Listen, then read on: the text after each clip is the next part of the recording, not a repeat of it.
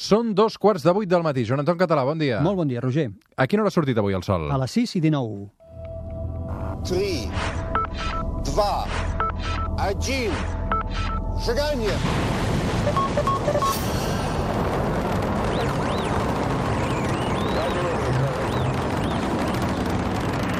One small step for man,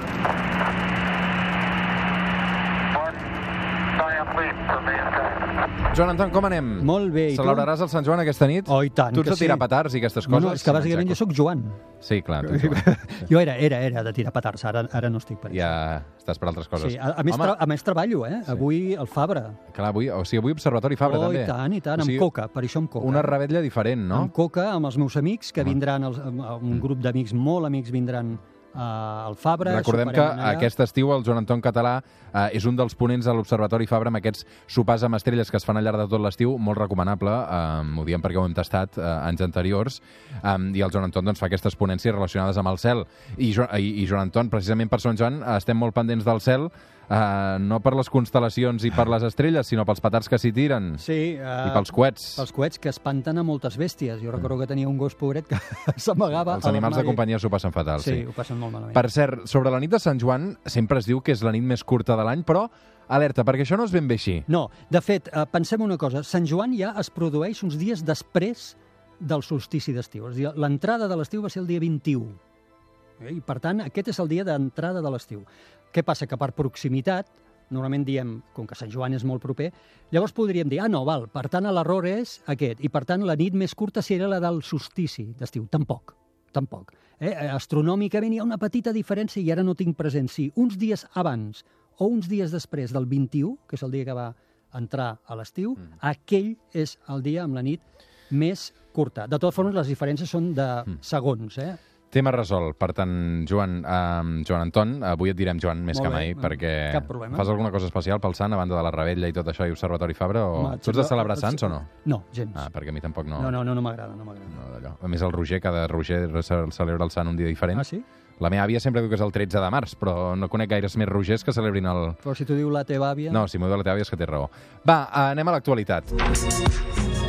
Perquè l'actualitat, déu nhi Hem llegit aquesta setmana que la NASA enviarà un helicòpter a mar. Ah, què et sembla això, eh? Un helicòpter? Sí, sí, sí, un helicòpter. Fascinant. I la gent pot pensar que deu ser fàcil, no? Perquè al final és un helicòpter que és com un, un d'aquests de, de modelisme, gran, eh? però és de modelisme, una, ma- una maqueta quasi bé. Però la qüestió no és fàcil perquè eh, Mart té una atmosfera 160 vegades més feble que la de la Terra, apenas hi ha aire per entendre'ns.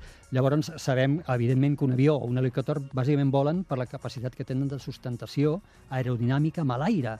Si no hi ha apenes aire, com s'ho farà aquest helicòpter per volar? I això és el que la NASA vol provar. Vol provar la tecnologia del futur, que millor permetrà enviar drons i enviar objectes similars per explorar Mart, i fan la primera prova l'any que ve. Llavors, ara tenen ja dissenyat l'helicòpter i l'enviaran, com aquest que ara sona, i l'enviaran de company en el robot que sortirà l'any que ve cap allà, que és un biòleg, que és d'aquells robots que jo sempre dic que van a buscar vida, doncs portarà al seu costat un helicòpter. La llàstima és que aquest helicòpter que se'n va a mar no el pilota Donald Trump, perquè potser ens faria un favor a tots plegats. Oh, imagina't com ens agradaria pagar-li el viatge, tots posar una miqueta de diners per pagar-li el viatge. Va, avui no parlarem ni de mar, ni d'helicòpters, ni de Donald Trump. Avui parlarem d'un concepte que, mira, jo ahir m'estava llegint el guió i dic, ai mare, prendrem mal. Avui, al suplement a la Terra es plana amb el Joan Anton Català, l'antimatèria. I ja avisem que és un tema complicadíssim, per tant, tots els sentits ben parats amb el que explica avui el Joan Anton. A veure, un tema complicat, eh, Joan Anton? És, és complicat. Anem pas a pas, jo et faré preguntes d'ABC, intentaré processar tot el que m'expliques. Uh, L'audiència segur que va molt més avançada que jo, uh, perquè jo a vegades amb els temes científics uh, hi ha un moment que em perdo. Primer de tot, per explicar què és l'antimatèria, primer hem d'entendre què és la matèria. Molt bé, ara t'ho explico, però deixa'm dir que quan has dit avui parlarem de l'antimatèria, per un moment m'ha semblat que anaves a dir de l'anticrist, de la forma que deies, de dir, és una cosa molt complexa, molt misteriosa. Doncs si sembla, si sembla. Mira, a veure, anem- què és la matèria? La matèria. La matèria són els àtoms que coneixem que estan formats per un nucli on hi ha protons i, i neutrons i un conjunt d'electrons que ens els imaginem girant. No és tan fàcil, eh? però diríem en una imatge naïf, molt simple, ser- serien electrons que giren. Això és un àtom, és la matèria formada per àtoms que tenen protons, neutrons I electrons. electrons. Què és un protó? Un protó és una partícula elemental. Avui, fa anys pensàvem que era superelemental, volia dir que no es podia partir amb res més. Avui sabem que sí, que es pot partir amb quarks, que encara seria un altre esglaó més baix, que és una partícula, el protó, carregada elèctricament positivament. És a dir, té una càrrega elèctrica que n'anomenem que és positiva. Diem que és positiva, aquesta càrrega. D'acord, sabem què és un protó. Què és un electró? Un electró és una partícula que gira al voltant del protó, molt més petita que el protó, però que té la mateixa càrrega, però negativa. És a dir, D'acord. té la mateixa càrrega elèctrica el, el protó, però negativa. El blanc i el negre. Exacte. I el neutró? I el neutró, com el nom indica, ni blanc ni negre. Gris. És, és gri, més aviat grisot i és una partícula que no té càrrega elèctrica. És neutra eh, elèctricament parlant. Quan ajuntes un protó, un electró i un neutró, sabem que es forma un àtom. Un àtom. Eh? L'àtom, per exemple, d'hidrogen, el més senzill que hi ha és un protó i un electró. No té neutró, eh? en aquest cas.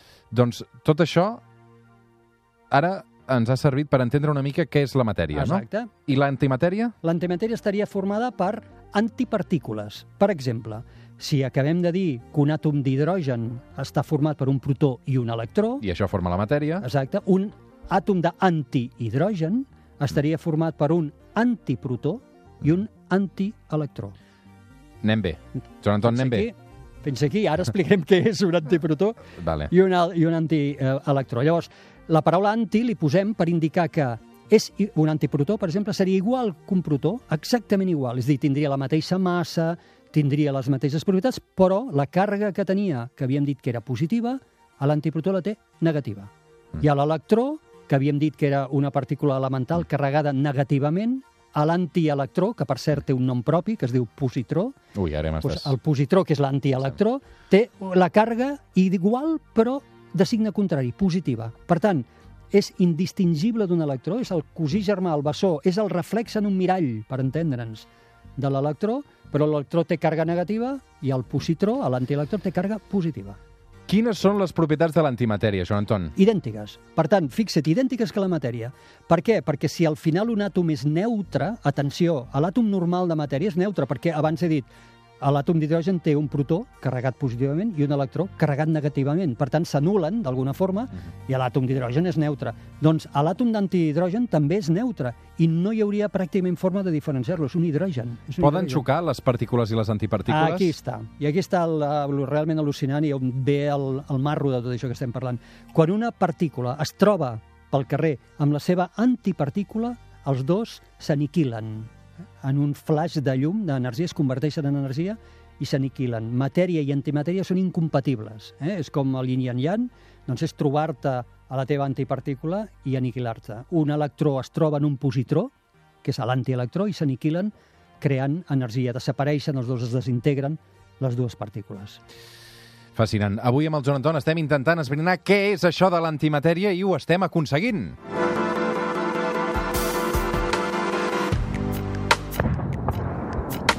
Vols una mica de sintonia, Joan Anton, per reflexionar Sí, sí, sobre ja tot això que veig. m'has És dit, bona, eh? és bona aquesta. Processant-ho. Puja, puja, aguanta. Una mica més. Això ho fas per evitar que et segueixi explicant coses? Si guanyo, guanyo minuts de secció, saps? Està bé aquesta sintonia. Puja, puja. Ojo, alerta a la reflexió que he fet després d'aquesta primera fase. Eh? A veure, quina reflexió... Després de tot això, podria existir un anti-Joan Anton català i un anti-Roger Escapa? Aquí anem, aquí, aquí. Uh, mira, abans de contestar-te això, deixa'm dir-te dues coses, perquè, i ara et contesto, no és que no, no, no t'ho vulgui dir. Havíem vist que una partícula i la seva antipartícula, si es troben, s'aniquilen. Això vol dir que si existís un anti-Roger i es trobés amb el Roger, us aniquilaríeu i desapareixeríeu. Prendre pel sac tot. Però això té unes conseqüències brutals. Mira, en primer lloc, eh, si s'aniquilen, vol dir que no podria existir un univers, no hi hauria matèria en un univers on hi hagués matèria i antimatèria, Mm. mm. perquè s'acabarien trobant i s'acabarien aniquilant. Ergo, vol dir que si nosaltres som vius i tenim un univers, és perquè el nostre univers està fet de matèria i no d'antimatèria. Apenes trobem antimatèria, perquè si no, no existiria el nostre univers. Mm. Primera conseqüència. Segona conseqüència, t'acabo de dir que si et trobes a l'anti-Roger o jo a l'anti-Joan Anton, o a l'electró es troba al positró, s'aniquilen creant energia. Doncs el procés contrari és cert i funciona. És a dir, de l'energia pura es pot crear matèria, sense violar cap regla de la natura. Per què? Perquè de l'energia podem crear una parella de partícula-antipartícula, que sumades donen zero, que sumades tornen a una energia. Per tant, mantinc la conservació de l'energia, no m'estic carregant cap llei de la natura. I això és crear matèria del res, de la energia pura.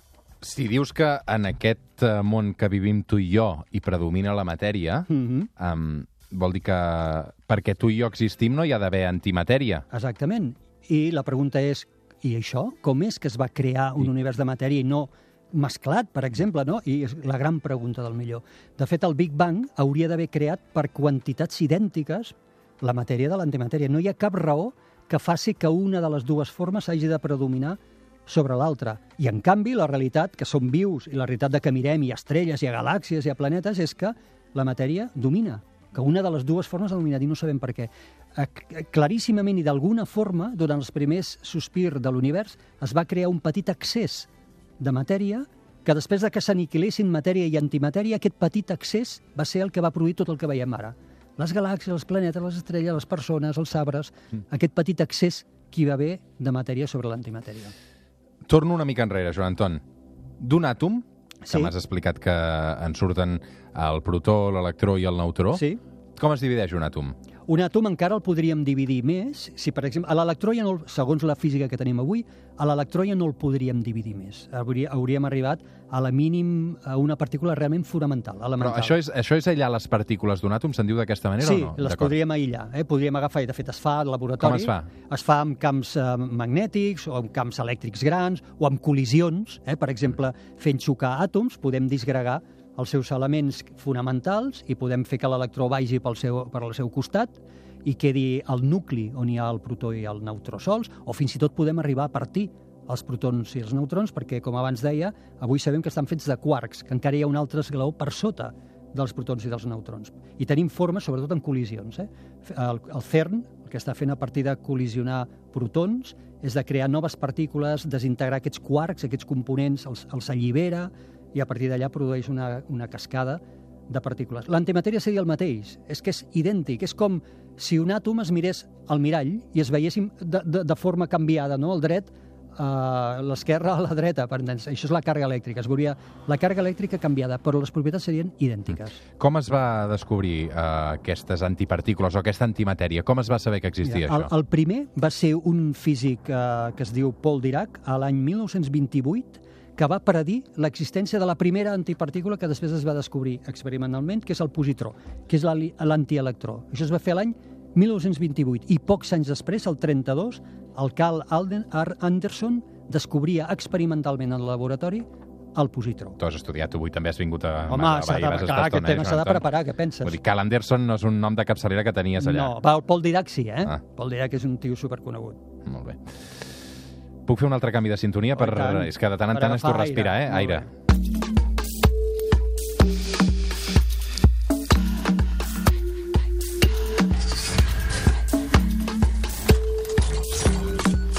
Som al Suplement, som a Catalunya Ràdio, això que sona és La Terra es plana amb el Joan Anton Català, avui descobrint què redimoni és l'antimatèria. Ho hem sabut explicant què és la matèria, què és un protó, sabem que és una partícula carregada elèctricament i positivament, què és un electró, sabem que són molt més petits que els protons i tenen una càrrega elèctrica negativa, i què és un neutró? Doncs els neutrons, com el seu nom indica, estimat eh, amic Watson, són neutres, no tenen càrrega elèctrica. Vale, adéu, Roger, me'n vaig, ja no sóc necessari.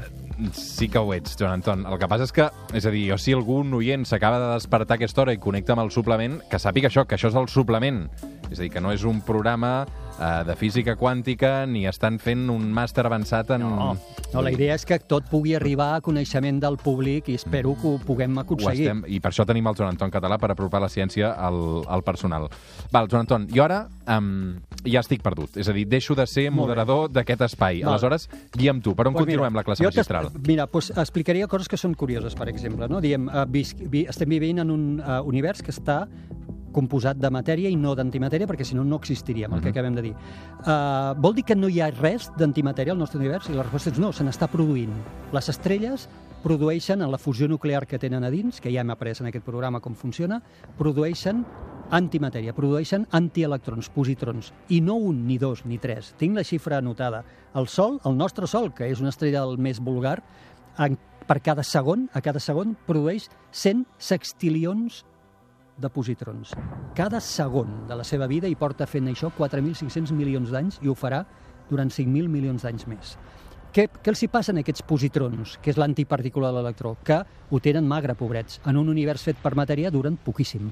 A la que el Sol els ha produït dintre del forn nuclear, a la que es mouen res, ja es troben matèria i s'aniquilen amb aquella matèria. Si l'antimatèria en el nostre univers ho té molt magre per poder-ho sobreviure, eh? però se'n crea. Hi ha processos físics naturals, no només els artificials que tenim nosaltres, que també hi ha processos naturals que creen antipartícules. M'has dit sextilió? Sextilions. 100 sextilions de positrons per cada segon. Imagina't. Una passada, eh? Però no els veiem. És per això que et deia, perquè viuen poquíssim, res, Sabem com seria un objecte fet d'antimatèria? igual que un objecte normal. Sí? No el podries distingir. Eh, Hauries de fer experiments físics potents, però diríem a, a ull nu, diríem, Mm. d'una forma observacional, no el podries distingir. I sabem si té utilitat aquesta antimatèria? Sí, sí que en té, sí que en té. Per exemple, a part de la pròpia utilitat que té des del punt de vista científic d'estudiar els processos físics que es produeixen en medicina nuclear, estem utilitzant eh, el famós PET, que tots n'hem sentit, "Ah, li han fet un PET, que ara no em facis dir què és perquè no recordo la sigla, però li han fet un PET. Això es basa en és, uh, medicina nuclear i es basa en l'utilització d'antipartícules. Joan Antoni, és fascinant tenir-te cada diumenge a l'hora que surt el sol aquí perquè s'aprenen un munt de coses, uh, ho fas fàcil i ara, uh, fora conyes ja, uh, estem molt contents. Sí. És que per un moment, no sé, dic, ostres, igual, igual No. ja no, ja no, volen més en aquest programa si parlo d'antimatèries. Què hi passarà aquesta setmana al cel, uh, especialment aquesta nit? Joan Anton, a banda de petards, què hi veurem? Mira, hi veurem Júpiter, que és el rei de totes aquestes nits, brilla moltíssim, tothom, ja ho he dit alguna vegada, els prismàtics de l'armari, aquells que l'avi ens va deixar i que doncs, ara els enfoquem a Júpiter i podrem veure els quatre principals satèl·lits i estarem fent de Galileo el que ell va fer a començaments del segle XVII, que és veure els quatre principals satèl·lits de Júpiter. Uh, brilla tant que quasi fa ombra. Ara exagero una mica, eh? però és una llum que sembla un far i a vegades el confons en un avió, tal com està brillant Júpiter totes aquestes nits. No es pot perdre. Joan Anton, que tinguis molt bon Sant Joan, Moltes molts gràcies. petards, molta coca i que vagi molt bé també per aquest Sant Joan diferent que faràs a l'Observatori Fabra. Una abraçada. Gràcies, igualment. Pausa i tornem al suplement. Fins ara.